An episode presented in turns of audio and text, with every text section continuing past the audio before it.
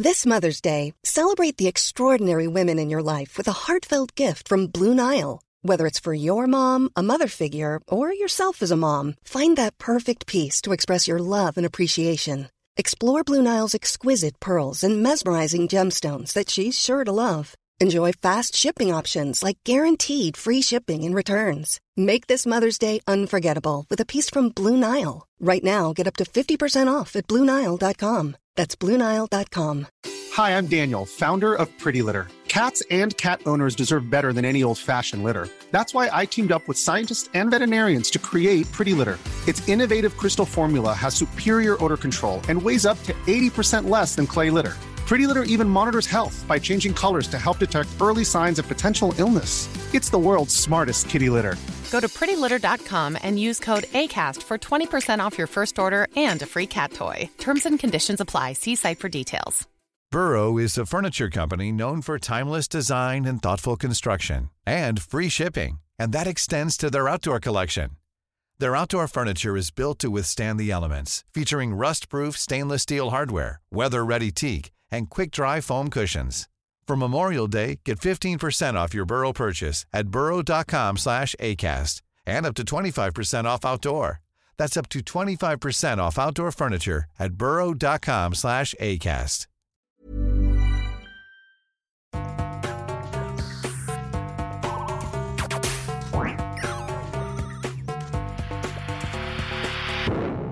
Velkommen til Sinnsyn.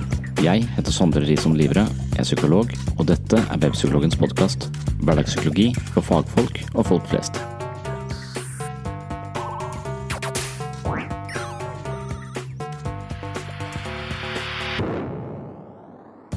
Ensomhet handler ikke bare om å være alene.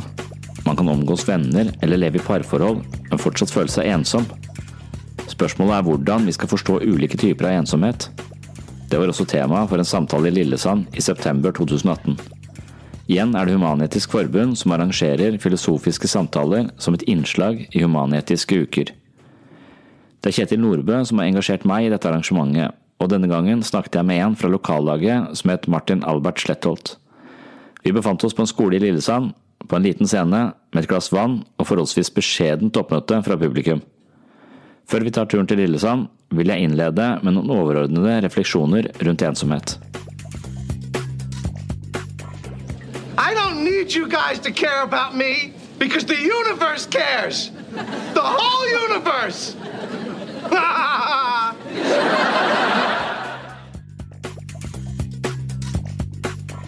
For den eh, amerikanske psykiateren eh, Irvin Yalom er isolasjon et av menneskets mest fryktede eksistensielle grunnvilkår. Fra sin årlange praksis som psykoterapeut har han lagt merke til at mange mennesker som mister en ektefelle eller livsledsager, ikke først og fremst fortviler over tapet av den andre, men over den brutte relasjonen. Enker og enkemenn snakker om å leve et liv som ikke blir sett. De har mistet et livsvitne, noen som vet at de kommer hjem, legger seg og står opp om morgenen. Innenfor psykisk helse ser vi også utallige eksempler på mennesker som lever i utilfredsstillende eller skadelige parforhold fordi de er nødt til å ha et vitne til sitt liv, noen som kan bekrefte deres eksistens. Noen har til og med sagt at de føler at de slutter å eksistere dersom de ikke har noen som ser dem. Jalom påpeker at dette er et vanlig fenomen i terapi, og han legger til at terapeuter må passe på at de ikke blir pasientens livsvitner. Det vil skape et avhengighetsforhold hvor terapiens slutt kan bli katastrofal for pasienten. I terapi handler det om å være støttende og bekreftende til stede, samtidig som man arbeider for pasientens evne til selvstendighet og selvaksept.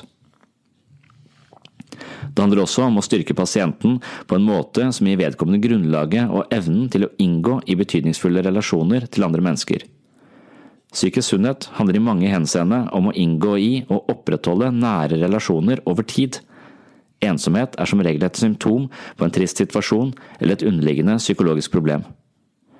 Jalom snakker om tre typer ensomhet eller isolasjon. Det skal vi se litt nærmere på nå. Det første er interpsykisk isolasjon. Interpsykisk isolasjon betyr atskillelse fra seg selv. Dette kan vi se hos mennesker som i liten grad tar hensyn til egne følelser og behov.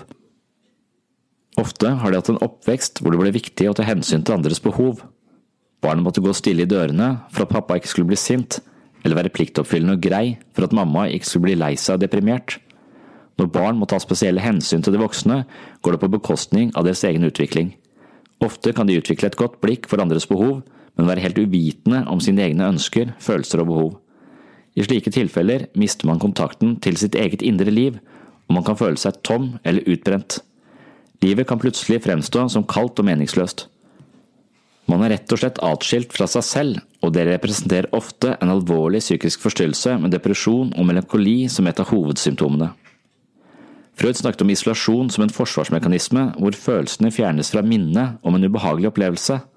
Når personen senere kommer i tanker om den vanskelige opplevelsen, fritas han fra de smertefulle følelsene. Det er rett og slett koblet fra tankene. Mange terapeuter mener at eh, hovedhensikten med psykoterapi er å integrere slike avspaltede deler av seg selv. Som psykolog møter jeg mange mennesker som har brukt mye av livet sitt på å monitorere omgivelsene sine. De har ikke levd i trygge omgivelser, og de har vært hele tiden eh, oppmerksom på hvordan andre mennesker har det, for å passe på å ikke komme i veien eller bli avvist eller få kjeft. Når man bruker mye energi på å finne ut av hvordan man burde være, og hvordan andre mennesker har det på innsiden, så hender det at man glemmer å kjenne etter på egen innside. Og da får man denne avstanden til seg selv, og denne manglende fornemmelsen for hva jeg liker, hva jeg vil, hva er mine behov og hva er mine ønsker. Når jeg spør disse menneskene om hva de, hva de er interessert i, hva de vil eller de, hva slags mål de har, så får jeg veldig ofte svaret vet ikke. De er ikke vant til å kjenne etter innover. Og det er et stort, eh, stort problem eh, som mange mennesker eh, sliter med. Man kan se et lignende problem hos mennesker som har på en måte ofret seg selv for en sak, eller ofret seg selv for barna i lang, lang tid. Altså Det er ikke helt uvanlig at, det, at foreldre gjør det de kan for å være gode, gode foreldre. Og mange foreldre går så opp i denne rollen at de på sett og vis glemmer eh, seg selv og sine egne behov. Når barna flytter hjemmefra, så sitter de kanskje igjen med denne følelsen av hvem er jeg egentlig, hvem er jeg nå, når jeg ikke er så viktig for barna mine som jeg var tidligere. Og Da har vi jo denne slags fremmedfølelsen, den slags ensomheten overfor seg selv. Jeg vet ikke hva jeg ønsker og hva jeg vil, og hva som egentlig er mine eh, mål. Og Da må man virkelig begynne å kjenne etter på innsiden og bli kjent med seg selv eh, på nytt. Og Det kan i seg selv på en måte være en slags terapeutisk prosess, eller slags, en, mål, en, ganske vanlig målsetning i en del psykoterapeutiske eh, prosesser. Det neste eh, punktet som Jalom snakker om, er interpersonlig isolasjon. Som regel er interpersonlig isolasjon det vi opplever eh, som ensomhet.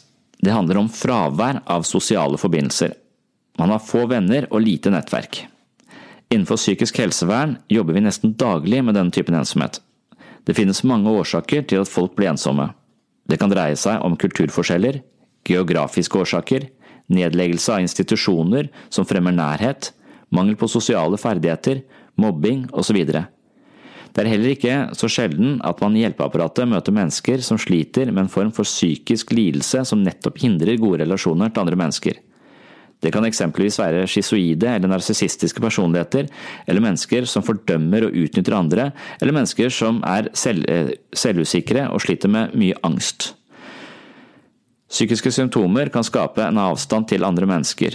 Jeg møter også ofte mennesker som har en slags grad av mistillit, har erfaring på at andre mennesker er ute etter å ta dem på en måte, og denne erfaringen den eh, møter de også nye mennesker med. Så istedenfor å skape nærhet, så møter de andre mennesker med skepsis, noe som skaper avstand og til syvende og sist ensomhet. Så psykiske plager er også en, en vesentlig del av eh, opplevelsen av eh, ensomhet. Det neste punktet til Jalom det handler om eksistensiell isolasjon. Jalom snakker om eksistensiell isolasjon som en tredje variant, altså. Denne formen for isolasjon går dypere og skjærer oss helt inn til beinet. Det er en mer fundamental ensomhet som er uløselig knyttet til eksistensen og refererer til en uoverskridelig kløft mellom en selv og andre, en separasjon ikke bare mellom selv og andre, men mellom en selv og verden. Jalom kobler eksistensiell isolasjon til døden. Det er ansikt til ansikt med døden at vår fundamentale ensomhet blir tydeligst. I antikken ble herskere og mennesker i maktposisjoner gravlagt med masse gods og eventuelt noen følgesvenner. På sett og vis er det kanskje et bilde på vår frykt for ensomheten ved veis ende. Vi fødes og dør alene, og slik er rammen rundt vårt liv. Når vi kommer i kontakt med denne typen eksistensielle erkjennelser, gjerne i sammenheng med kriser eller tragedier, er det en grunnleggende frykt som griper oss, en eksistensiell angst, og dette er kanskje den mest hardtslående formen for ensomhet som mennesket opplever.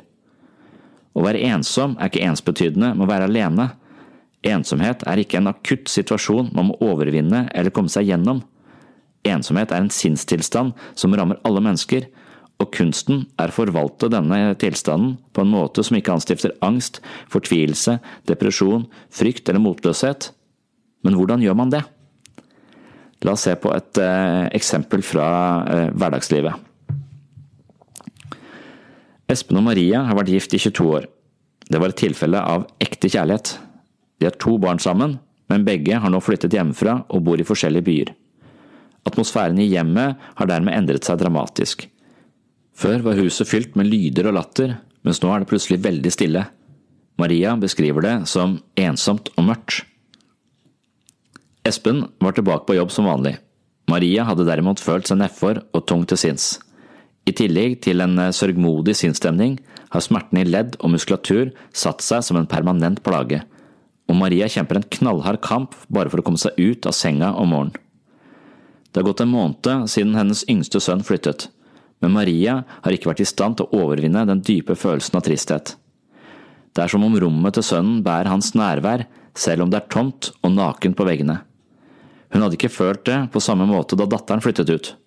Marias største ønske er å gjenvinne en litt mer lystbetont hverdag, men den ene dagen etter den andre fortoner seg mørk og dyster. Da ungene begynte på skolen, sluttet Maria i sin fulltidsjobb som regnskapsfører fordi hun følte at barna sto fremfor en viktig tid hvor de kunne trenge hennes støtte og veiledning. Hun ser tilbake på disse dagene med fryd og begeistring. Ungene var glade for hennes nærvær da de kom hjem fra skolen, og hun var glad for de små oppdragene hun tok på seg for å tjene litt eh, ekstra, slik at økonomien i husstanden fungerte greit. Etter hvert som barna ble eldre og mer selvstendige, påtok Maria seg stadig flere oppdrag. På denne tiden var hun travelt opptatt med jobb og barn, og hun elsket det. Så kom nedgangstidene, og Marias inntektsevne ble raskt dårligere. Det selskapet hun jobbet for, hadde økonomiske problemer, og det første de gjorde, var å redusere på det mannskapet som arbeidet hjemmefra, slik som Maria.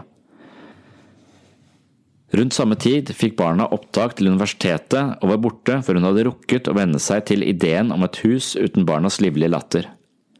Espen på sin side vet på sett og vis hva Maria gjennomgår, men han jobber lengre dager enn vanlig for å tjene nok penger og ikke minst for å beholde jobben i en vanskelig tid. Maria vet at Espen fortsatt bryr seg om henne, noe som er åpenbart i de små tingene han gjør for henne hver dag, men likevel har hun en vond følelse av at han ikke ønsker å snakke med henne, og tankene om at hun ikke lenger er like interessant begynner å plage henne. Når han kommer hjem om kvelden, setter han seg ned foran TV-en en stund mens han drikker en kopp kaffe. Hun forsøker å sette i gang en samtale, og han lytter men de samtaleemnene hun finner på, synes nesten tåpelige. Espen sitter ved sin bærbare pc til langt på natt, mens Maria ligger våken med minner fra en svunnen tid. Maria har begynt å føle at hun mangler kunnskap. Hun opplever at hun vet mindre enn alle andre, noe som setter en selvfølelse på en hard prøve. For kort tid siden deltok hun på en stor fest. Plutselig opplever hun å stå sammen med en gruppe gamle venner, men at ingen av dem legger merke til henne. Hun føler seg rett og slett ignorert, Espens tilstedeværelse hjelper ikke fordi han selv er så sliten grunn av stort arbeidspress. Han lytter til Maria, men han har lite å bidra med. Barna ringer opp en gang i uken, og det virker som om de er godt tilpass øh, og fornøyde med tilværelsen på universitetet. De virker ikke som om de savner Maria like mye som hun savner dem.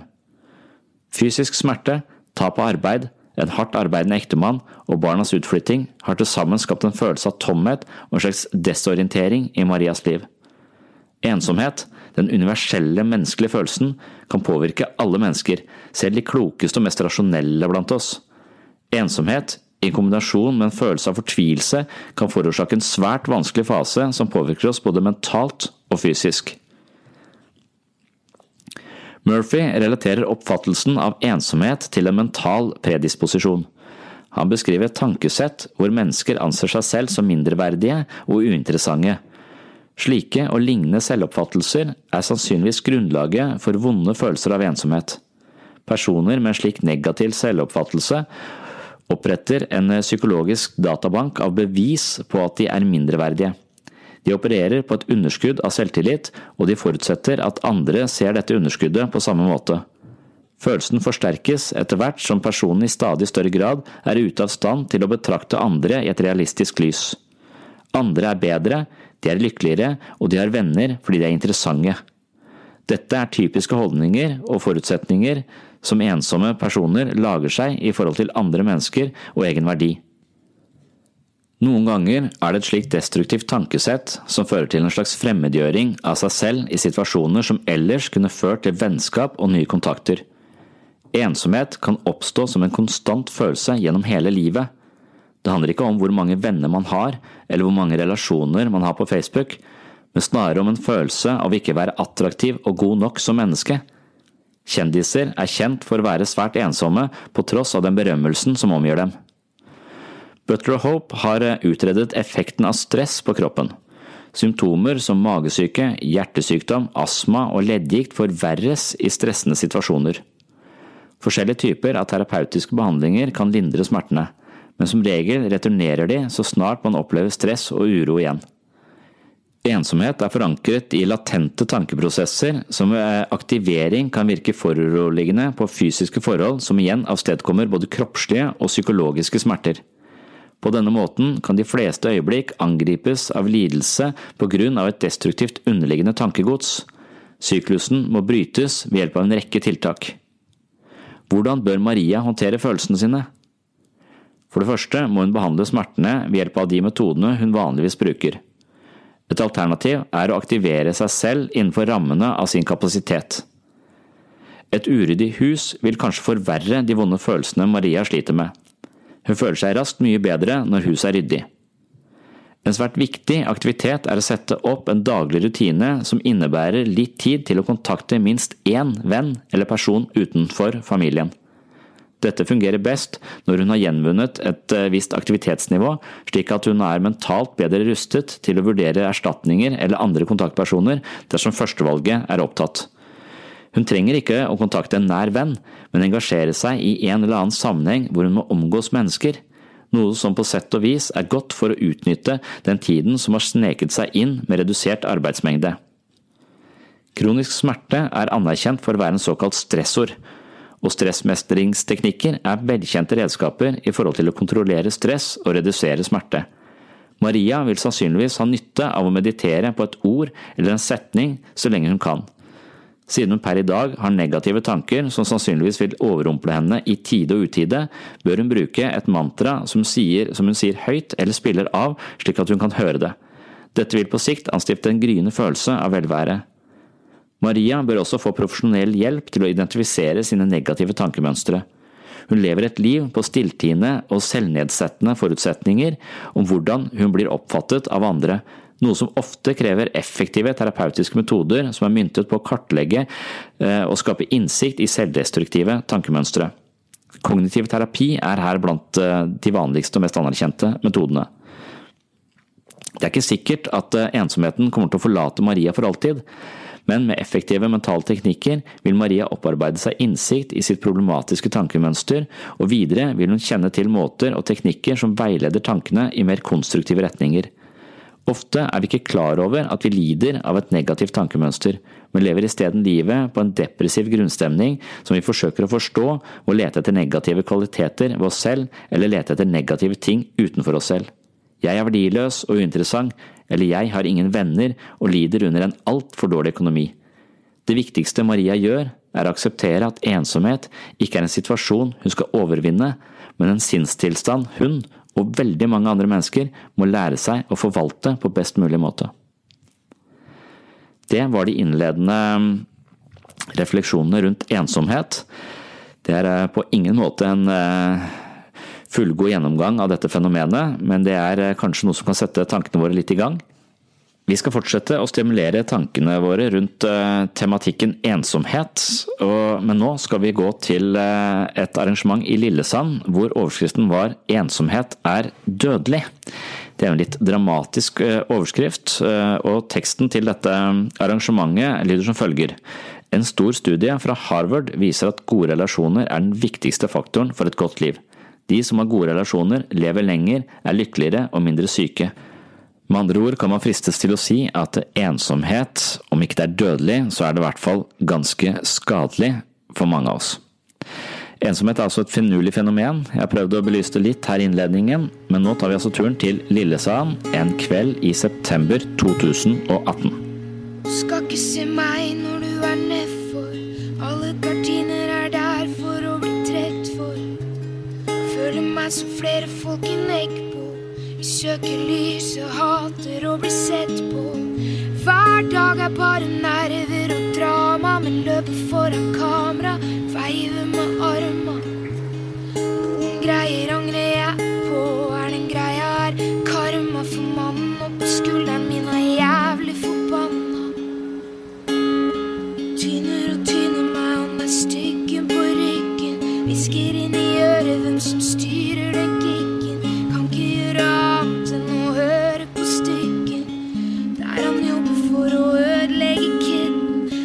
Telefonen, rører ikke post. Ikke prøv å ringe på, døra mi er låst.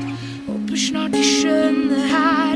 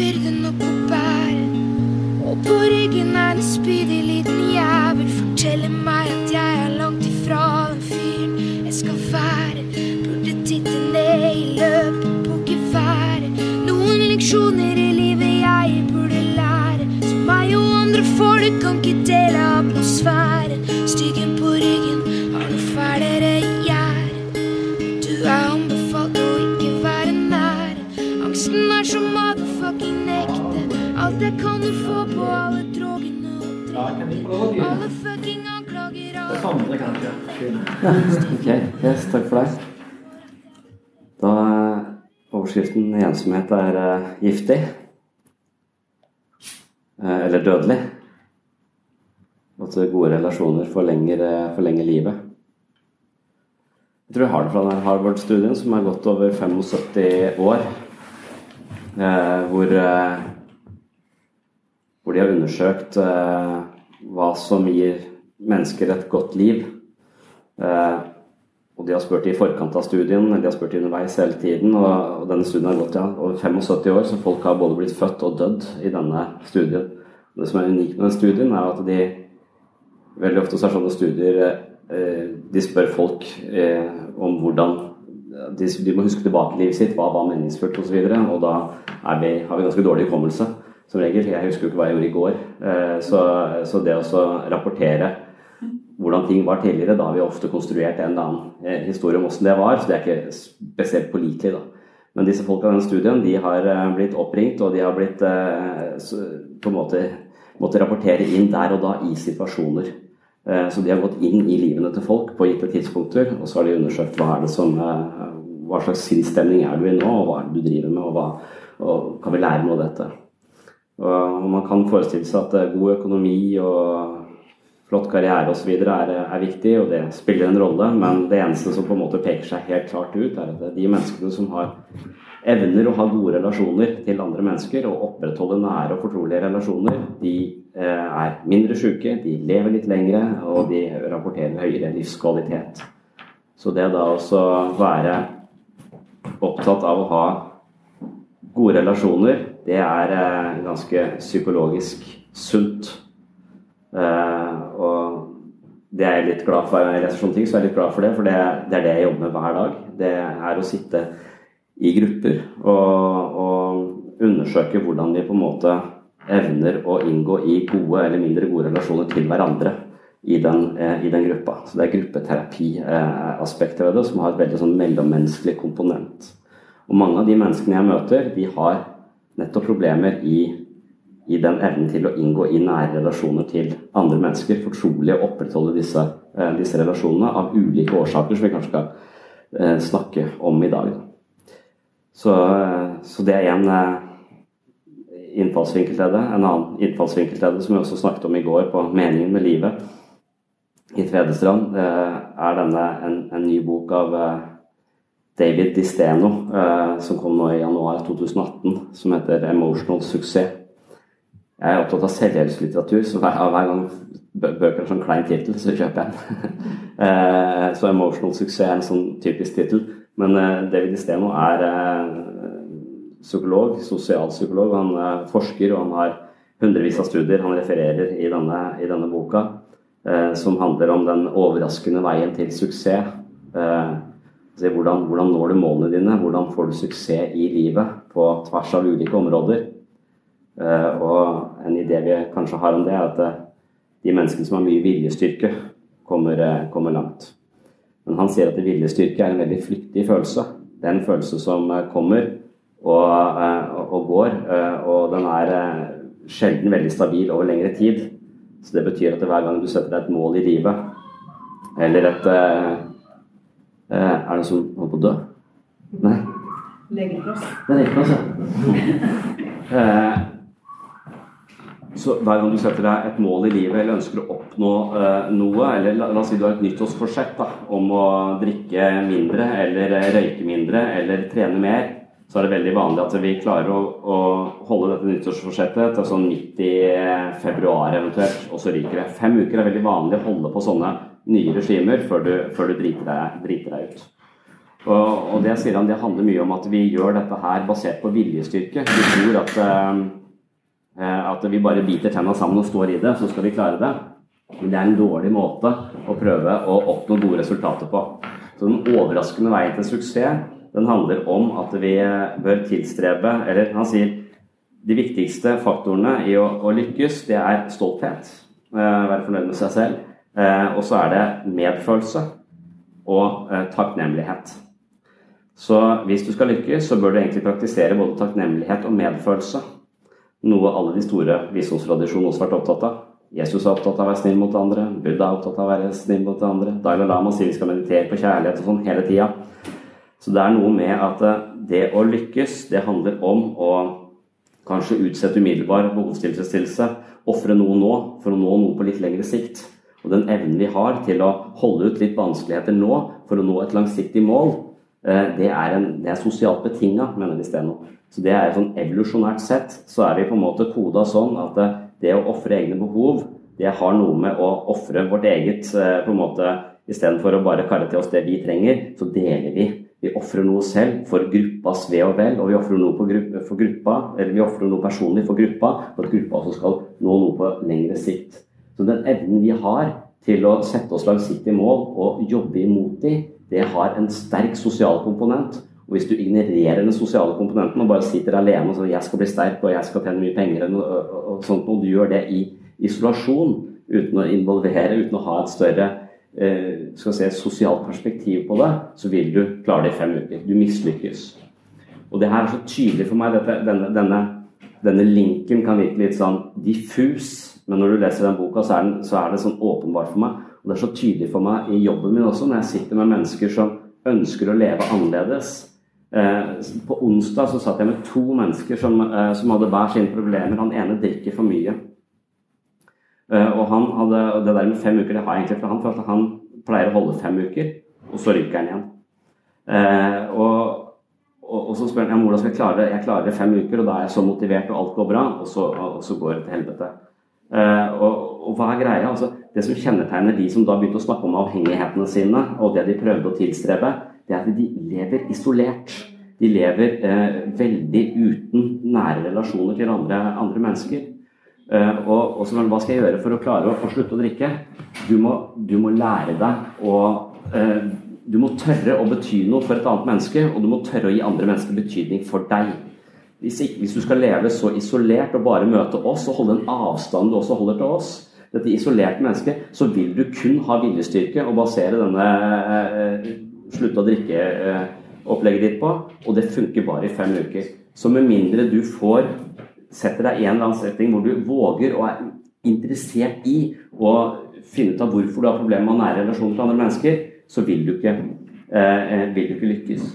Det er så tydelig for meg at de menneskene som eh, på en måte er litt eh, klarer dette med gode relasjoner, det er baseline. Det er det vi trenger for å lykkes. Da kan vi klare de utroligste ting.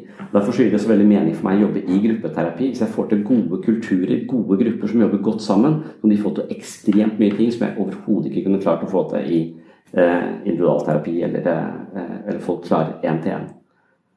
Så, så, det sosiale aspektet, dette med å klare å være sammen med noen eh, og ikke gjøre ting i ensomhet, er, eh, er ekstremt viktig for psykisk helse. Og det er ekstremt viktig for å lykkes på tvers av veldig mange områder i livet vårt. Og Da kommer neste spørsmålet hvorfor er vi ensomme? Hva er det som gjør oss ensomme? Eh, og der er det eh, sikkert 100 forskjellige innfallsvinkler vi kan eh, snakke om i løpet av neste, neste timen. Mm. Men det første som sto i den artikkelen som vi på en måte skal ta utgangspunkt i, er dette med å være sånn hva skal vi si, ensom overfor seg selv, eller fremmed overfor seg selv. Mm. som er en, en merkverdig form for ensomhet. Altså at du ja, du, du, du, har ikke en følelse av å, å kjenne deg selv engang. Du, du, du, er, du er usikker på hvem du selv er. Det kan være en sånn intrapsykisk ensomhet, nærmest. Og en intras, det, er, det, er et, eh, det, det, kan man kjenne igjen hos mennesker som har, blitt, eh, har opplevd mye vondt. Eller mennesker som har vokst opp sammen med folk som ikke var interessert i dem, eller eh, trua dem på noen måte. Så, eh, så idet et lite menneske vokser opp og hele tiden må undersøke om verden er trygg nok, eh, og er det greit å være her, kan jeg si noe nå, eller blir pappa sint da? Eh, hvis du vokser opp i et miljø hvor du hele tiden må monitorere omgivelsene for mulige farer, så vil den linsa som er laget for å monitorere verden og oppdage farer, den blir veldig sterk. Mens den linsa som går innover for å finne ut av hva liker jeg, hva er interessert i, hva, eh, hva er gøy altså et, et, En trygg person kan utforske verden, og idet det utforsker verden, så finner du ut hvem er jeg i møte med denne verden. Mm. Men for å ha den nysgjerrigheten og den kreativiteten og vitaliteten i møte med livet, så må du være trygg nok. Så det du gjør med barn, er fantastisk. For, for det, det verste et barn kan oppleve da, er at den hele tiden er på alarmberedskap. For da vil ikke den muskelen som søker ut mot verden for å finne ut av hvem er jeg i møte med dette, den vil ikke trenes opp. Og da vil du vokse opp etter hvert, så, så vil du spørre disse menneskene hva liker du? Og så svarer de vet ikke. Hva har du lyst til å bli? Aner ikke. Eh, ja, hva vil du at vi skal gjøre? Vet ikke. Altså Alle spørsmål som handler om noe som foregår på innsiden av de, ethvert spørsmål som er si, introspektivt anlagt til deg, som du, jeg vil si vite noe om hva som foregår inni deg, så har disse menneskene brukt så lite tid på å finne ut av hva som foregår inni dem, at de aner ikke hvem de er. Men de er veldig flinke til å finne ut av hvordan andre mennesker har det rundt dem. Så de er gode på å se andre mennesker og tegn rundt seg, men de er elendige på å vite hvem de selv er, og hva de liker og hva de ikke liker, og hvilke sko som er gode å gå i. Eh, så, så på den måten så, så, er de De vet mindre om seg selv eh, enn eh, en de vet om virksomheten til andre mennesker rundt seg, nærmest. Og det er å være fremmed overfor seg selv. Og det er en slags intrapsykisk ensomhet som er eh, ganske uh, Ja, tenk deg ikke kjenne deg sjøl i det hele tatt, på en måte. Det er en ganske stor eksistensiell smerte uh, i, i, det. Ja. det du, må kjenne, du, må lære å kjenne deg selv før du kan bli kjent med andre. Det er vel litt det samme temaet, tror jeg. Og det ja. ja. For å lære å kjenne deg selv, så, så, må du Eller for å lære å vite hvem du er, så må du være trygg nok. Samtidig som du må ha mennesker rundt deg som har oversikt til å bekrefte deg eh, fra utsiden. For andre mennesker fungerer som en slags speil for oss. Så hvem er jeg? Det finner jeg ut når jeg ser på andre mennesker. Det er i andre menneskers blikk jeg blir en person. Det er der vi blir. Så det er i mine foreldre, mine venner osv. måte å se meg på som har gitt meg min idé om hvem jeg er. Og Hvis du f.eks. da blir oversett hele tiden, som er den verste psykologiske skaden man kan få altså En ting er å bli slått og utsatt sånn, men det å bli oversett og ignorert Da får man det man kaller et slags et, sånn, et ubekrefta selv. Og det er idet vi blir bekrefta av noen, at vi vet hvem vi er. Og idet vi blir oversett, så blir vi på en måte usynlige. Også for oss selv, i verste fall. Og det å ikke bli kjent med seg selv, da er å nesten være usynlig. Og, og, det er vanskelig å ta plass, det er vanskelig å ta valg, det er vanskelig å vite noe som helst i livet. Bortsett fra hvordan du kan være trygg og, og monitorere mulige farer rundt deg. Så det, det, er den første som står i den første formen for ensomhet. Den er ensom overfor seg selv. Ja. Når det gjelder relasjonelle aspekter ved det, så, så, er det mer Jeg tenker mer i den grad at det, eh, i det du har eh, folk rundt deg som ikke ivaretar deg godt nok som liten, så vil du også Jeg vet ikke om du, det du kaller behov, eller, eller men, men, du vil også få en måte å tenke på og se og oppleve verden på som du ofte generaliserer. Så hvis du har mye erfaring med at folk er ute etter å ta deg, eller eh, overse deg, eller lure deg, eller manipulere deg, så vil du eh, møte verden med bak en mur av mistillit. Og denne muren av mistillit det er også en av årsakene at folk er ensomme. Altså Bak denne muren, hvis du har erfaring på at folk hele tiden jukser eller tar deg, og du, har, så du, så du nærer en stor mistillit til andre, andre, mennesker, så vil du nesten i alle nye relasjoner Det er sånn, og det er sånn psykologisk ting at de relasjonene vi hadde når vi vokste opp, de viktigste relasjonene, de næreste relasjonene vi hadde når vi vokste opp, det blir et slags mal på hvordan vi forholder oss til andre mennesker senere i livet.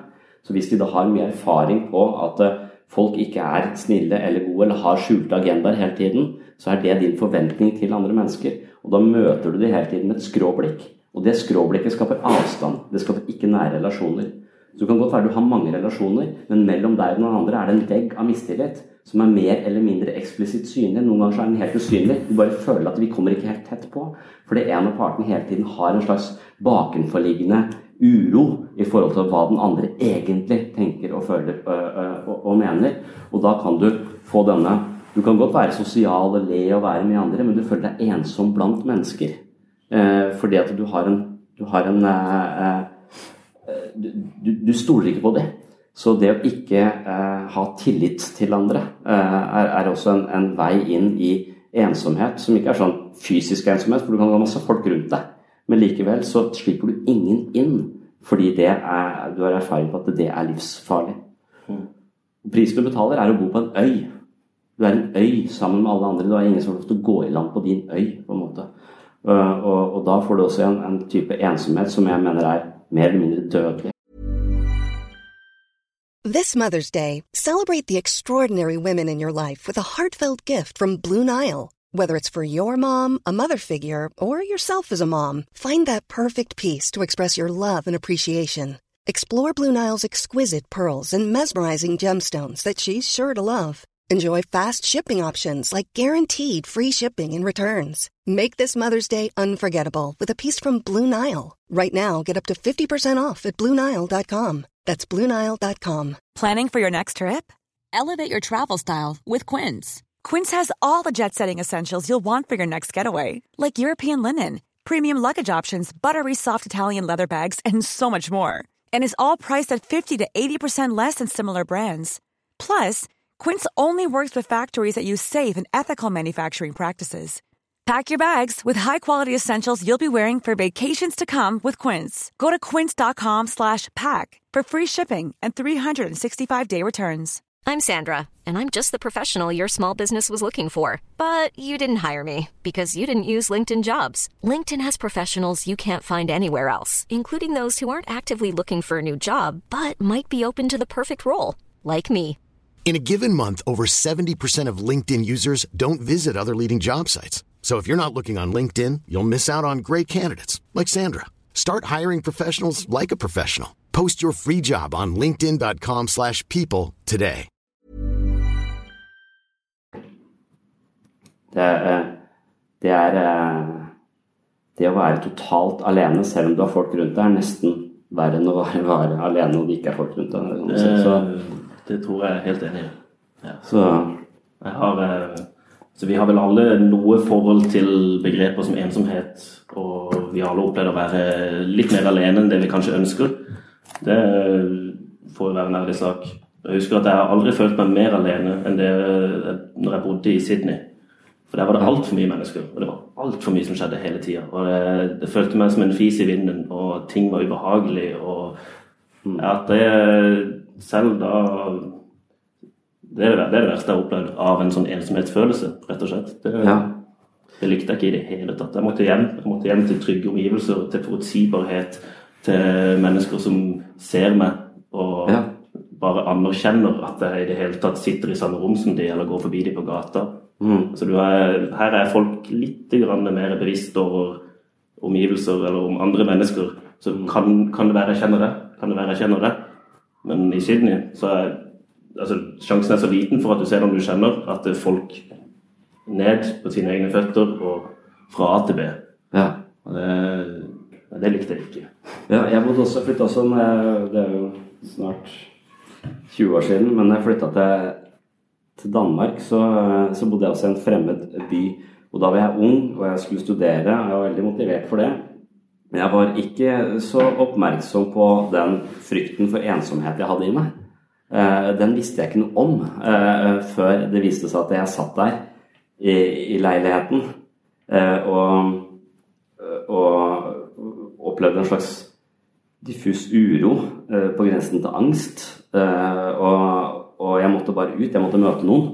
Og, det, det, det er nok litt sånn jeg tenker om, om vårt indre altså Noe som heter objektrelasjonsteori. at Vi dannes jo som mennesker i relasjon til andre. Og de relasjonene vi har, de tar vi inn i oss, og de blir en del av, en del av oss. Altså så Når jeg føler at jeg driver og reflekterer over ting, så er det ofte et ekko av betydningsfulle samtaler og relasjoner hatt tidligere. Så det er ikke mine tanker, det er bare ulike perspektiver i mitt møte med andre mennesker som har tatt bolig i meg og blitt en del av meg.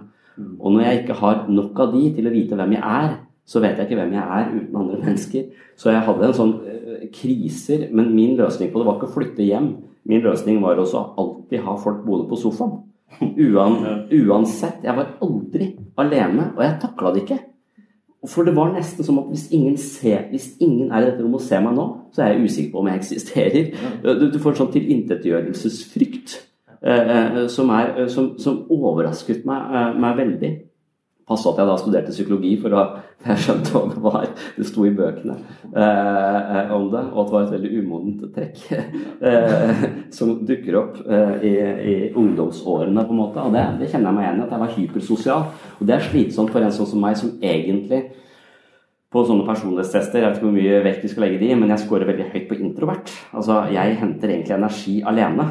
Når jeg ikke tør å være aleine, så har jeg ikke noe sted til energi. Så det er en jæklig vanskelig situasjon å være i, da. Men jeg husker den hypersosialiteten min som en sånn følelse at speil meg speil sånn at jeg vet hvem jeg er. Og det kan godt være at de som bodde på sofaen hadde det samme hadde det samme behovet. Men da gjaldt vi hverandre, og vi likte hverandre, og vi speilet hverandre, og vi, og vi fikk etter hvert en identitet vi kunne hvile i. Og langsomt så kunne jeg sitte hjemme alene og trives eh, i det. Ja, mange ting i det. Eh,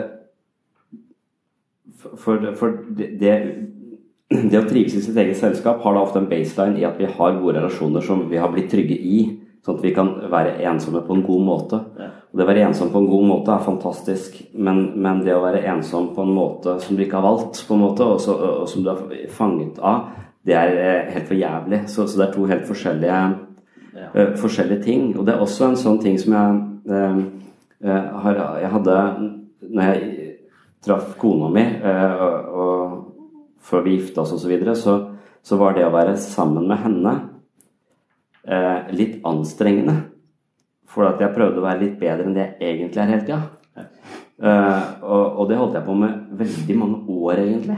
Eh, og, og, det er også sånn at, at det å uh, Et sånt aspekt ved det å være være alene eller ensom altså, Etter hvert som jeg, som jeg blir tryggere på henne, og etter hvert som hun blir tryggere på meg, så klarer jeg å være mer meg selv og ikke spille en sosial rolle. Så den jeg egentlig er, og den sosiale varianten av meg, kom mye tettere på. Og da kunne jeg slappe av sammen med, med, henne. Og jeg trives hvis jeg bare er sammen med henne, så henter jeg energi selv om jeg er introvert. Normalt sett så har jeg Men før det så det masse fantasier om kan ikke jeg på et eller annet tidspunkt komme meg på hytta helt alene og ingen andre mennesker og sitte der i to måneder? Vær så snill, få meg vekk fra folk. Uh, når jeg var trygg nok til å gå vekk fra folk uh, i en eller annen fase. Nå har jeg jo små barn også. Jeg, jeg er aldri aleine. Bortsett fra når jeg er på do. Da så er det noen som står og banker på døra som skal, skal inn. Jeg lurer på om jeg snart er ferdig. Så, så, nå har jeg ikke det. Men, men det å klare å, å, å, hvile alene sammen med et annet menneske fordi at du er, kan være helt deg selv, det er også en utrolig fin ting. Og det tror jeg er det jeg må lære meg når det gjelder altså, Hvis jeg skal hente energi sammen med mennesker, så må jeg eh, døyve litt denne sosiale varianten av meg selv, som er opptatt av å bli likt, opptatt av det opptatt av det opptatt av det. All dette egojaget om å være noe er en slitsom uh, greie. Så hvis jeg klarer å tenke at jeg ikke skal prestere så mye i enhver situasjon, så kan jeg være der med senka skuldre. Altså jeg kan være der som, det er, det er en tettere sammenheng mellom den sosiale meg og den egentlige meg. Uh, og de kommer aldri til å være helt overlappede. Det, det, det, tror jeg ikke er bra for noen. Men, men, hvis de kan henge sånn rimelig godt sammen, så vil ikke det å være sosial uh, oppleves anstrengende. Og det, jeg, det tenker jeg ofte om folk som sliter med sosial angst osv.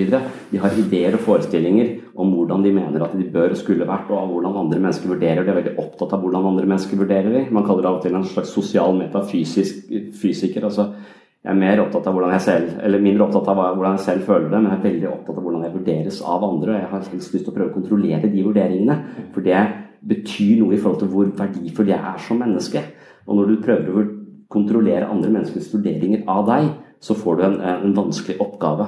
Og den oppgaven er slitsom, og da vil du ofte føle en, en slags Da vil det ofte være anstrengende opp mot graden til sosial angst å være sammen med med andre mennesker. For det er, et, det er, å spille et skuespill. Det er å være noe annet enn det du egentlig føler eh, du er. Så de menneskene som lever best, er sannsynligvis de menneskene som er mest mulig gjennomsiktige. Eller at de, de klarer å være den samme på tvers av ulike arenaer i livet. Eh, Istedenfor det som man vil kalle en, uh, ja, en, en sånn type sjarlatan, eller en som er falsk, da, som er helt fantastisk på jobb. Altså en tyrann hjemme, f.eks og så har to helt forskjellige, eh, forskjellige sider som man driver og sjonglerer. Eh, så eh, Paul Eckman, som er en sånn, psykolog som sagt mye om følelser, han sier at de beste menneskene er gjennomsiktige. Altså at de, er, de har en veldig tett forbindelse her. Og jeg opplever også at det er det veldig mange mennesker ønsker. At de ønsker å være seg selv i møte med andre. For det hadde vært så avslappende. Men det er ingen som tror at de er gode nok til å bare være seg selv, så de er nødt til å spille en eller annen rolle. Og hver gang de da må spille den rollen, så er det så anstrengende å gå et sted og være noe for noen. Så, så jeg, jeg, tenkte Det har hjulpet meg så mye på fest. På fest med folk jeg ikke, ikke kjenner. Jeg er veldig sjelden på fest, men, men hvis, det, hvis, det, skjer, så er det Hvis jeg tenker at ja, nå skal jeg gå dit, og der er den og den personen, jeg vet så vidt hvem de er, men jeg har veldig lyst til at de skal like meg. Nå må jeg gjøre et godt inntrykk. Hvis jeg får den tanken inn i huet mitt, så, så, gruer jeg meg til å gå dit. Eh, jeg drikker mer enn jeg hadde strengt talt trenger. Eh, eh, for det er så anstrengende. Og, og, og det blir et sånt jag.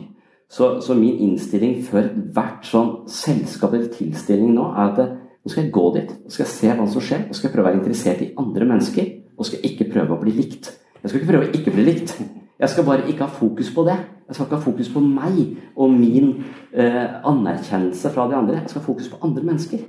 Og når jeg gjør det, når jeg går, og så tenker jeg at jeg skal ikke score noen poeng, jeg skal ikke eh, ha noen forhåpninger om noe som helst, jeg skal bare gå der og se om jeg kan møte noe som er interessant ved et annet menneske.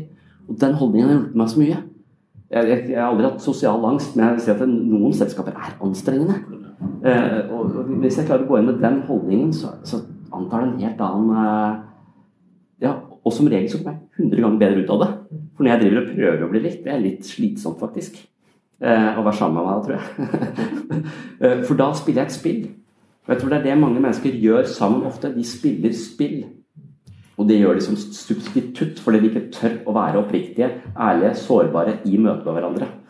Så alle mennesker, hver gang, Jo mer spill vi spiller, jo mer tvinger vi andre mennesker inn i ulike roller, hvis vi selv klarer å være gjennomsiktige og så oppriktige som mulig, så kan vi også dempe andres skuespill og få mer nære eh, relasjoner. Og det tror jeg er kunsten som gjør det, som er den beste motgiften mot ensomhet. da. Jeg tror du kan Jeg tror du møter mange mennesker der ute som tenker de mest sosiale folka jeg noensinne har møtt. Fantastiske åler og sånne sosiale spinndoktorer. Men det kan godt være at de dypest sett føler seg inderlig ensomme. Det minner meg veldig om dagens eh, Dagens ungdom spesielt, med tanke på internett og sosiale medier. Og Ja. dette behovet om å bli likt og sett. Og, så da har du med en gang altså du, du, ja, Små ja, når jeg var tenåring eh, spesielt, så skjønte jeg lite av verden. Og jeg syntes ting var veldig skummelt og hadde et veldig behov om å bli likt. Jeg hadde, så, sånn På ungdomsskolen så skulle jeg passe inn i alle grupper. Jeg var lærerens yndlingselev samtidig som jeg var den gutten som viste rumpa ut av vinduet. og typiske Altså jeg måtte li, alle, alle pøblene måtte like meg, og alle de snille måtte like meg. Altså Jeg visste ikke hvor jeg var henne. Jeg visste ikke hvem jeg skulle være. Og disse menneskene her, eller disse barna her, nå bare får tilgang til hele verden via telefonen sin, og så skal de bli fortalt Vis hvem du er. Hvem vil du være? Og du skal liksom da Hvilken side av meg selv skal jeg ta og dele med verden? Altså, det er et stort ansvar som disse elevene dessverre ikke er helt klar over. Du må bare vise den siden av deg selv som får flest likes. Eh, eh, for da får du mest verdi som, eh, som menneske. Ja, og, du, og, og så tenk hvor ekkelt det er når du får masse bekreftelse gjennom telefonen, og så er det bare en side av deg selv som ikke er, egentlig eksisterer. Så skal du gå i sosiale settinger, og så skal du faktisk møte disse menneskene som har sett hvor fantastisk du ser ut. Og så møtes dere, og så er det litt eh, så, så blir du menneskeliggjort med en gang. Så blir du dratt ned på bakken, og så blir du dømt etter den der, det nye inntrykket. Og det er, det er ikke så gøy å vise seg frem som den man er, når, du, når alle tror at du er bedre. De samme følelsene når du skal på jobb første dag på jobb i ny jobb og har jugd masse på CV-en. Litt, det, det helt riktig. Nå oppdager de hvem jeg egentlig er. Så ja, det er helt, eh, helt klart. Det snakket vi om i går også. Hva, hva er ulempen med, med sosiale medier? Det er millioner av ulemper med sosiale medier, og noen fordeler også, selvfølgelig. Men en av sykdommene er nok nettopp dette er muligheten for å konstruere og rekonstruere seg selv og sitt eget bilde eh, utad mot verden hele, hele tiden. Eh, og én ting er at når vi er unge og usikre, så prøver vi å fremstå som noe annet enn det vi egentlig er. Altså, jeg har brukt hele ungdomstida mi på å prøve å være noen, annen, noen andre enn det egentlig er. Og, og jeg aldri jeg tror aldri jeg hadde fått noen kjæreste altså, Det er kun basert på at jeg prøvde å fremstå som noe annet enn det jeg egentlig er. hele, hele tiden. I hvert fall så har det vært det spillet jeg har spilt. Og, og, og, da er det jo når, når dette nå medieres av disse sosiale mediene, så skaper vi bare avatarer eh, som, som vi kan gjemme oss, eh, oss bak. Og etter hvert som du skaper en så flott og populær avatar, så, så tenker du dette kan jeg ikke stå inne for. Og da, så da er det sannsynligvis det er så stor diskrepans mellom den avataren og den, den du egentlig er, at det kan eh, være god nok grunn for å aldri gå ut og møte folk. Eh, Forankre identiteten sin i Mm. en fiktiv Ja. versjon av deg selv. Ja. Det ja, da, Mm. da mister du deg selv. Eller da, da er det et var du inne på i stad, de, Mm. de som ikke har noe som helst forståelse for hvem de er, eller en relasjon til seg selv. Mm. Det Ja. Ja, det er, eh, det er nok et, eh, en stor, stor eh, ja, vi, vi, vi må tilpasse oss dette, men foreløpig så har det nok en del sykdommer. Og, har nok disse, disse sosiale mediene. Og det Jeg har lyst til å presisere at det ikke er et teknologisk problem. Altså Teknologien i seg selv er nøytral og fantastisk hvis den brukes med måte. Men eh, det er dessverre eh, dette samfunnet vi lever i i dag, som det, der det brukes, der det misbrukes i veldig, veldig stor grad, syns jeg. Mm. Det, Men så snakket du om en annen form for ensomhet. Dette å ikke passe inn. eh, Det å føle seg annerledes og utenfor. Det er også en egen eh, En egen eh, Noen som snakker om negative leveregler, altså mer eller mindre livsmønstre eh, vi har, som egentlig er eh, en del av operativsystemet vårt, er en del av vår identitet, hvem vi tror vi er, hvem vi har blitt fortalt at vi er. Eh, og, de, eh, når vi har en slags identitet i noe, så søker vi ofte å gjenskape, eh, eller få bekreftet at den identiteten stemmer. Eh, og en, en av disse negative livsmønstrene man kan ha, den heter eh, ja, isolasjon eller det å føle seg annerledes. Eh, og du kan føle deg annerledes på flere, på, på flere måter. Det er noe som Defekt skam er en sånn leveregel, altså hvor du har en idé og noen føler seg mislykka, og og, og de har veldig klare, klare, ideer om hvorfor de er mislykka, for de mislykkes der og der og der. og der. Men så er det noen som også føler bare at de er verdiløse som mennesker. Og de har på en måte en mer sånn diffus følelse at det er noe i meg som ikke er verdt å elske. Og de har fått en uh, slags forståelse for at de grunnleggende sett ikke er, er, verdt å, er, verdt å, elske. Som også er en sånn type negativt livsmønster. som du, Når du møter verden med dette, så er det veldig lett å stille seg bakerst i køen eller tenke at det, de kan ikke jeg snakke med, eller de er eh, for, for, Så, så du, uh, du, gjemmer deg litt uh, fra verden. Og det skaper også avstand, denne, denne skammen. Og, og, og, defekten, på en måte. Mm. Men så har du også mennesker som, som rent sånn fysisk sett er, er er, er annerledes. Eh, og det, det, skaper en litt annen eh, problematikk. Altså, noen mennesker føler seg grunnleggende sett dårligere enn andre og sliter med denne skammen fordi at de nærmeste relasjonene deres på en måte ikke har tatt seg godt nok av det. De har fått noen tilbakemelding på at de grunnleggende sett ikke er, er gode nok. Men så har du mennesker som har vokst opp med gode foreldre og i trygge og gode kår sammen med mennesker som har elsket dem, og de har skjønt at de er verdt å elske. Så disse menneskene har en god grunnmur. Men så har de foreldre som i tillegg er veldig idealistiske. Eh, så de vil ikke kjøpe klær eh, i butikken, de vil strikke de sjøl. Eh, og i det første, første omgang så er det våre nærmeste som er mest betydelig. Foreldrene og de nærmeste omsorgspersoner spiller den mest sentrale rollen i de første leveåra. Men når de kommer opp i tre-fire-femårsalder, så er det andre mennesker som spiller den største rollen. Altså det å føle at du tilhører et større fellesskap. Så foreldrene mindre, er mindre viktige. De er viktige hele veien, men de får, barna får et annet behov også, og, på en måte føle seg lik andre. Så uh, En som heter Kohut snakker om at vi har tripolart selv. Han sier at det ene, det ene polet i selvet, det er det grandiose selvet. Det handler om at jeg blir anerkjent av mamma og pappa som en person som er verdt å elske, og som er fantastisk. Og Får du mye av det, så får du en sunn narsissisme. Jeg er glad i meg selv. Det er ikke en underskudd her, det blir en ræva narsissisme. Da vil du hele tiden prøve å få anerkjennelse fra andre for å fylle opp i den følelsen av øh, at du mangler noe. Og så kan du bruke helt liv på det. Det er en forståelse av narsissisme. Mens hvis du er på en måte bekrefta, og du vet at du er elska, og du, du, har en forståelse at 'jeg er verdt å elske', så har du den polen er ganske da godt ivaretatt. Men så har du en annen pol som heter den tvillingssøkende polen den handler om at du også må bli akseptert og føle deg som en del av kulturen, gjengen, klassen, eh, gata, fotballaget. Alle disse tingene. Det er også en ekstremt viktig eh, del av oss å være føle tilhørighet i disse sammenhengene og føle oss litt lik andre. Så, eh, så små eh, mennesker har lyst til å være lik de andre i, eh, i klassen, og det er en viktig del av det. Så hvis du da som forelder har en eller annen idé om at nei, de skal eh, gå i økologisk strikka klær eh, og spise veganmat, og gjør noe på vegne av dem som gjør at de blir veldig annerledes enn de andre, så kan de få problemer i den tvillingsøkende polen. Det samme kan du kanskje oppleve hvis du kommer fra en kultur til en annen, hvor det å du skal, du skal, nesten ikke Du kan flytte fra den ene byen til den andre i Norge og føle at folka her går en bitte litt annen takt enn det du selv gjør fra den byen du er vokst opp i.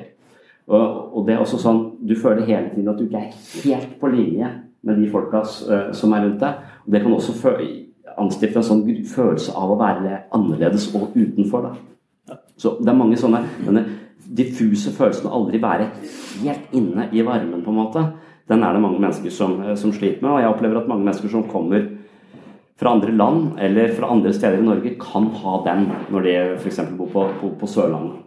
Det kan også være at jeg fra Tønsberg opplevde det i starten i Kristiansand. Eller har vært merke at jeg ikke hadde noen eh, noen venner fra Kristiansand. Jeg kjente bare, eh, bare innflyttere. Og, og, majoriteten av de jeg omgås, er fortsatt mest innflyttere. Så, så, det er noe med å også, føle, føle, at jeg sånn kulturelt og mellommenneskelig går i samme takt som, eh, som de menneskene rundt meg. Og Da er spørsmålet hvordan du håndterer et sånt eh, problem. Altså, er, er du interessert i å gå i samme takt? Eller er du interessert i å spille i et orkester hvor det å spille en litt annen takt kan bare gjøre hele orkesteret litt mer interessant og bedre? Det er en mulighet. Eh, og, og, og spørsmålet om du ser på din egen annerledeshet som et stort problem, eller om du ser på det som en interessant måte å utvide sitt eget perspektiv på, og sin egen horisont. Så, eh, jeg husker å lese den Walden Pond og uh, eller Walden, han, han, som går, når han går ut i skauen for å på en måte, Han er så redd for å bli en sosial refleksjon, eller, eller bli et sosialt produkt. Så han er så, så redd for å eh, han, han mener at hvis du, hvis du, lever i samfunnet Dette var jo lenge siden. Hvis du lever i samfunnet, så blir du eh, på en måte programmert, og du blir litt lik hele, hele samfunnet. Så han var på en måte livredd for det, så han flyttet, isolerte seg ute i skogen og bodde der et helt år for å på en måte eh, lage sitt eget mentale operativsystem som ikke var diktert av alle disse sosiale eh, kodene rundt seg. Uh, og, og, og beundringsverdig prosjekt, men er det egentlig det? For, for jeg, jeg føler for, Hvis jeg skulle lage mitt eget verdisystem, operativsystem, jeg tviler på om det hadde blitt noe særlig bra. Jeg, jeg, lurer på om det heller det kollektive greiene som vi har, er en del av at det i første omgang må være det beste operativsystemet jeg kan, kan få. Og så kan jeg komme opp til et, et, visst nivå, og så kan jeg føle meg litt lik andre. Uh, og, og, når jeg er da en del av det, det, likhetene, så kan man kanskje begynne å undersøke sin egen eh, posisjon og sin egen kultur osv. for så å uh, eventuelt vokse ut. Men det er også en ensom posisjon da, hvis, du, hvis du begynner å opponere mot, mot hele fellesskapet ditt, for da stikker du deg også ut, og da vil det masse krefter dra deg dra deg tilbake og det så blir en, en slags ensomhet i det. Men, men, hvis vi slutter, hvis, hvis vi klarer å, å, på en måte møte andre mennesker med interesse og nysgjerrighet eh, og aksept og forståelse på en eller annen måte, så, så tror jeg vi, vi, vi, kan skape Eller egentlig hvis vi selv er oppriktige, så, så, tror jeg vi kan skape ganske nære forbindelser til mange mennesker og oppdage at man er litt lik dem. Uh, og, og, og, da må man kanskje være litt interessert i hva som foregår på innsida, for at vi har så mange sånne mentale mønstre som plasserer andre mennesker i helt bestemte båser. For det er sånn vi organiserer verden. altså Vi kan ikke drive og vurdere å bli kjent med alle mennesker. Vi må putte de sammen med sånne mennesker som ligner de, som vi har møtt før, og så er de sikkert litt lik sånn. Så vi tilskriver veldig mange andre mennesker egenskaper og kvaliteter som de ikke nødvendigvis har. Men for at vi skal kategorisere de og forstå de, så må vi bare putte de i den kassa som vi har fra før. Og på den måten, og hvis vi da har trange kasser, så vil vi ofte møte mennesker og gå glipp av veldig mye eh, informasjon. Og det å være i gruppeterapi egentlig, det er det som jeg har lært mest av. Det kanskje jeg lærte først og fremst i militæret, for i militæret ble du bare kasta inn på sånn tolvmannsrom sammen med masse folk du i utgangspunktet aldri hadde giddet å være sammen med. Og så oppdager du hva du har gått glipp av, hvor arrogant og hvor på en måte sånn skeptisk du har vært til andre mennesker som ikke ligner deg. Eh, du føler de ikke ligner deg, og så, og så, oppdager du at vi er faktisk ganske like, og du har noen kvaliteter som jeg ikke har sett før engang, som jeg syns var helt fantastiske eh, å, å, å, å, være sammen med. Så, så det var min første sånn vekker på at ok, jeg holder meg til meg og min lille flokk, og da er jeg i hvert fall ikke ensom. Eh, men jeg går glipp av veldig mange andre mennesker i andre flokker som, som, ikke, som ikke, ligner meg. Og det, det er litt sånn Det syns jeg det er både òg. Og, og, føle, jeg følte ofte at jeg er litt eh, I starten tenkte jeg at jeg er spesiell og unik, men tvert så ser jeg faen meg lik alle de menneskene jeg møter i gruppeterapi. Og da altså, jeg, jeg liker alle de menneskene jeg møter på psykiatrisk avdeling.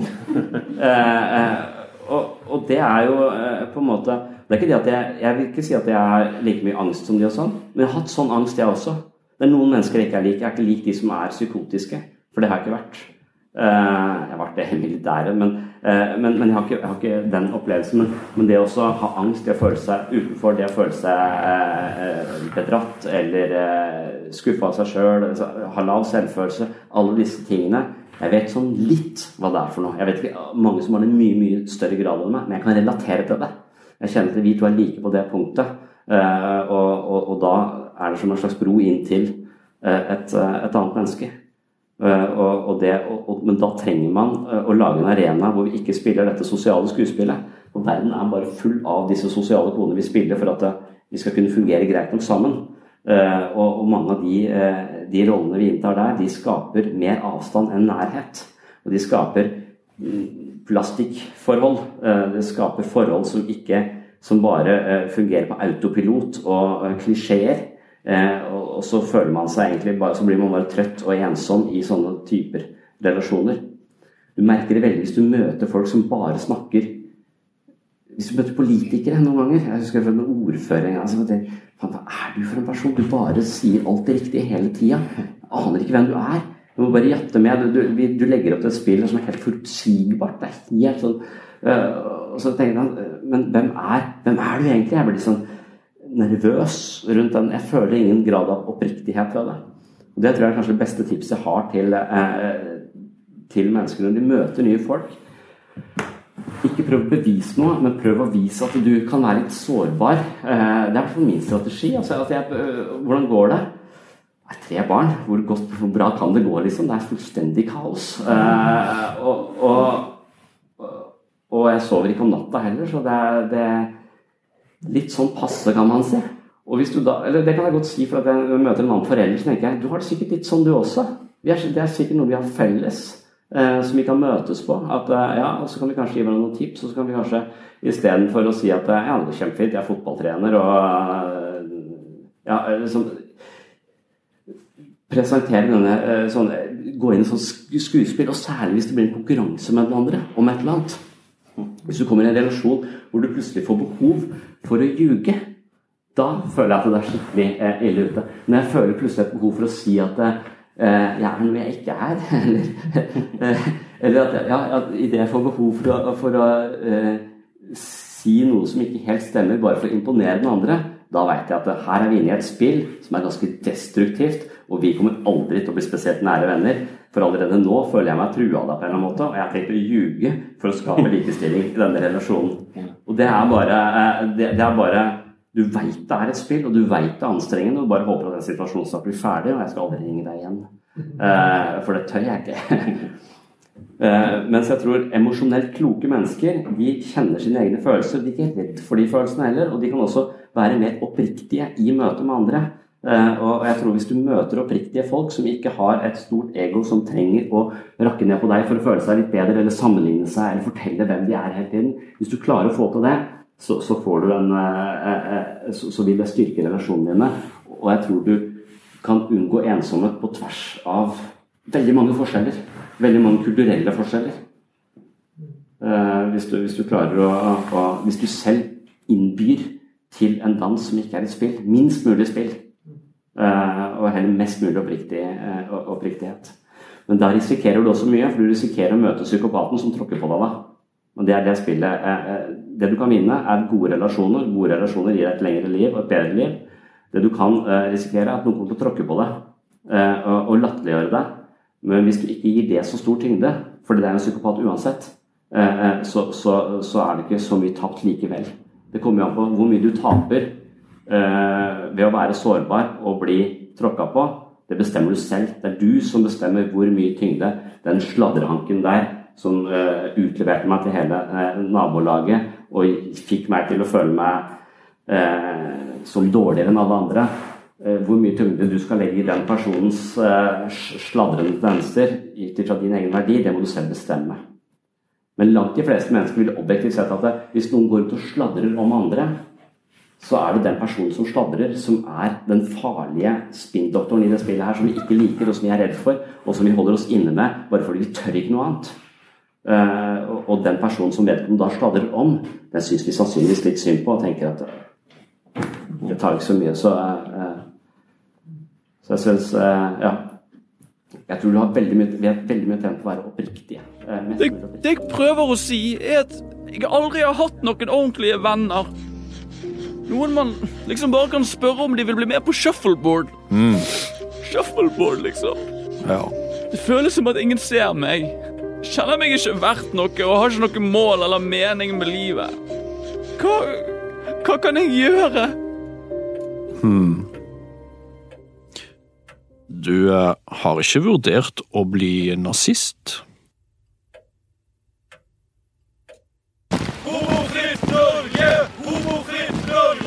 Jeg gleder meg skikkelig til å spise pizza etterpå, gutter. Holocaust er en løgn! Holocaust er en løgn! Jeg husket å bestille bord til alle sammen denne gangen. Vi liker Hitler! Vi liker Hitler! Og skal vi kanskje spille shuffleboard? Takk for at du hørte på Sinnsyn. Denne episoden var på ingen måte noen eh, fullgod gjennomgang av eh, ensomhet som tema, men jeg er ganske sikker på at vi kommer tilbake til det i en eh, senere episode. Jeg vil takke Human-Etisk Forbund for muligheten til å reise rundt i byer her på Sørlandet og, og snakke om eh, psykologi. Eh, og at det dukker opp publikum innimellom er også ganske flott. Eh, jeg nevner som vanlig tre bøker jeg har skrevet om eh, psykologi og menneskets mulighet på vekst og utvikling. Jeg har også skrevet om mitt møte med religion og de store spørsmålene i livet, som døden, meningsløshet osv. Det er i Psykologens journal. Alle bøkene mine får du på webpsykologen.no til eh, best pris og rask levering fra min hjemmeside, altså. Ellers så kommer det en ny episode, forhåpentligvis neste mandag. Og hvis du liker podkasten, nevn det til folk du kjenner. Rate den i iTunes. Og det var det. På gjenhør.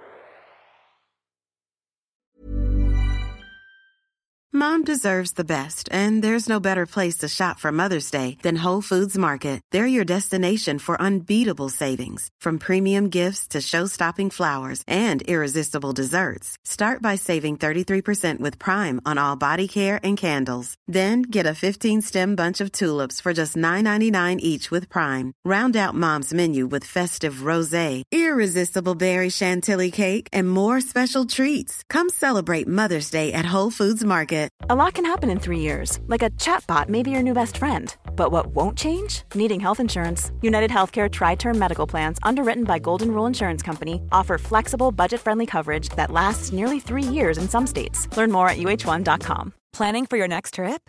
Elevate your travel style with Quince. Quince has all the jet setting essentials you'll want for your next getaway, like European linen, premium luggage options, buttery soft Italian leather bags, and so much more and is all priced at 50 to 80% less than similar brands. Plus, Quince only works with factories that use safe and ethical manufacturing practices. Pack your bags with high-quality essentials you'll be wearing for vacations to come with Quince. Go to quince.com/pack for free shipping and 365-day returns.